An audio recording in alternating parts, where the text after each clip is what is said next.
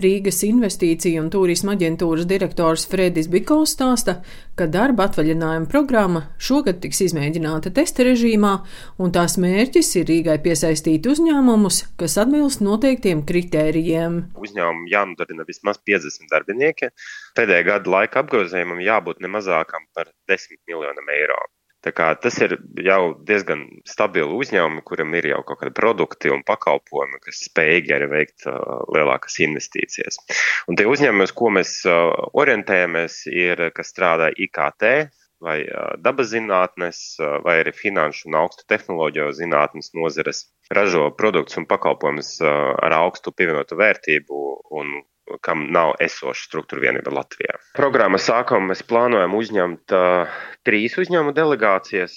Katrā delegācijā ne vairāk kā piecus cilvēkus. Mēs uzņēmumu delegācijām seksim ceļa izdevumus, tas ir aviobiļets uz no Rīgas, transferu, izmitināšanu un arī kopstrādes uh, telpas izdevumus seksim. Mēs izmantojam šo konceptu, lai piesaistītu potenciālus uzņēmumus, kas varētu šeit paplašināt savu darbību vai atvērt filiālus uzņēmumus, nu, respektīvi investēt Rīgā.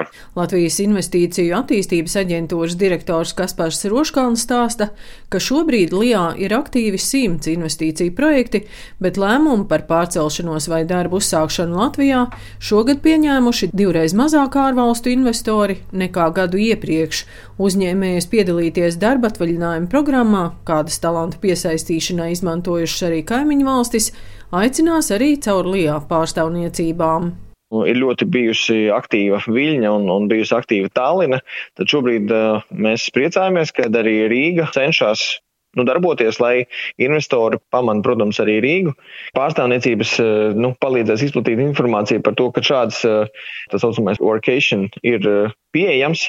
Iespējams, šobrīd tie kriteriji, 10 miljoni apgrozījums tam uzņēmumam, 50 darbinieki ir ļoti ambiciozi. Un, ja tā interese būs varbūt netik liela, tad mēs ievāksim informāciju no mūsu pārstāvjiem, kas būtu tie vēlamie kriteriji, kādos varētu piesaistīt jaunus, ambiciozus uzņēmumus ar, ar labām idejām, lai tad uh, mēģinātu plašināt to programmu un, un piesaistīt vēl. Latvijas bankas ekonomists Oļegs Krasnopjorovs vērtē, ka ideja piesaistīt ārvalstu uzņēmumus Rīgā ir laba un atbalstāma, bet Rīga no citām kaimiņu valstīm atpaliek dzīves kvalitātes ziņā. Kopš gadsimta sākuma visstraujākā attīstībā Baltijas galvaspilsēta vidū piedzīvojusi Viļņa. Šobrīd Viļņa ir Baltijas lielākā ekonomika un bagātākā pilsēta, un ja šī tendence turpināsies, tad Viļņa var pat apsteigt Rīgu visai drīz pēc iedzīvotāju skaita. Mēs atpaliekam pēc IKP uz viena iedzīvotāja, bet tieši dzīves kvalitātes jomā mēs atpaliekam vēl pat vairāk. Mēs atpaliekam pat no tā, cik droši mēs jūtamies pilsētā. Mēs geogrāfiski atrodamies Ziemeļ Eiropā, bet pēc drošības un uzticības citiem cilvēkiem pilsētā mēs esam kopā ar Dienvidu Eiropas pilsētām. Bet tas, protams, nenozīmē, ka Rīga viss ir slikti. Tieši pretēji tas norāda uz Rīgas milzīgu attīstības potenciālu. Rīgai ir kur augt. Šobrīd augsti kvalificēti trešo valstu pilsoņi var saņemt Latvijā tā dēvētās nomadu, jeb attālinātā darba vīzas uz vienu gadu un uzturoties Latvijā strādāt attālināti. Šobrīd izsniegtas piecas šādas vīzas.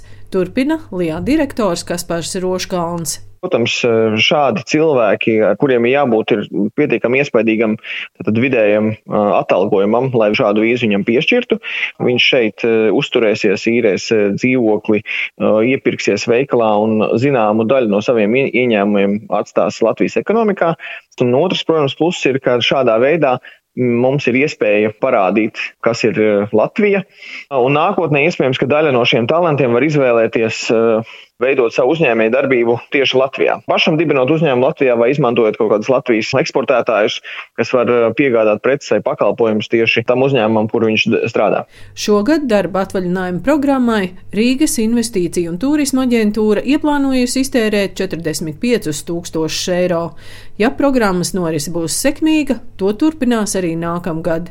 Daina Zalamane, Latvijas radio.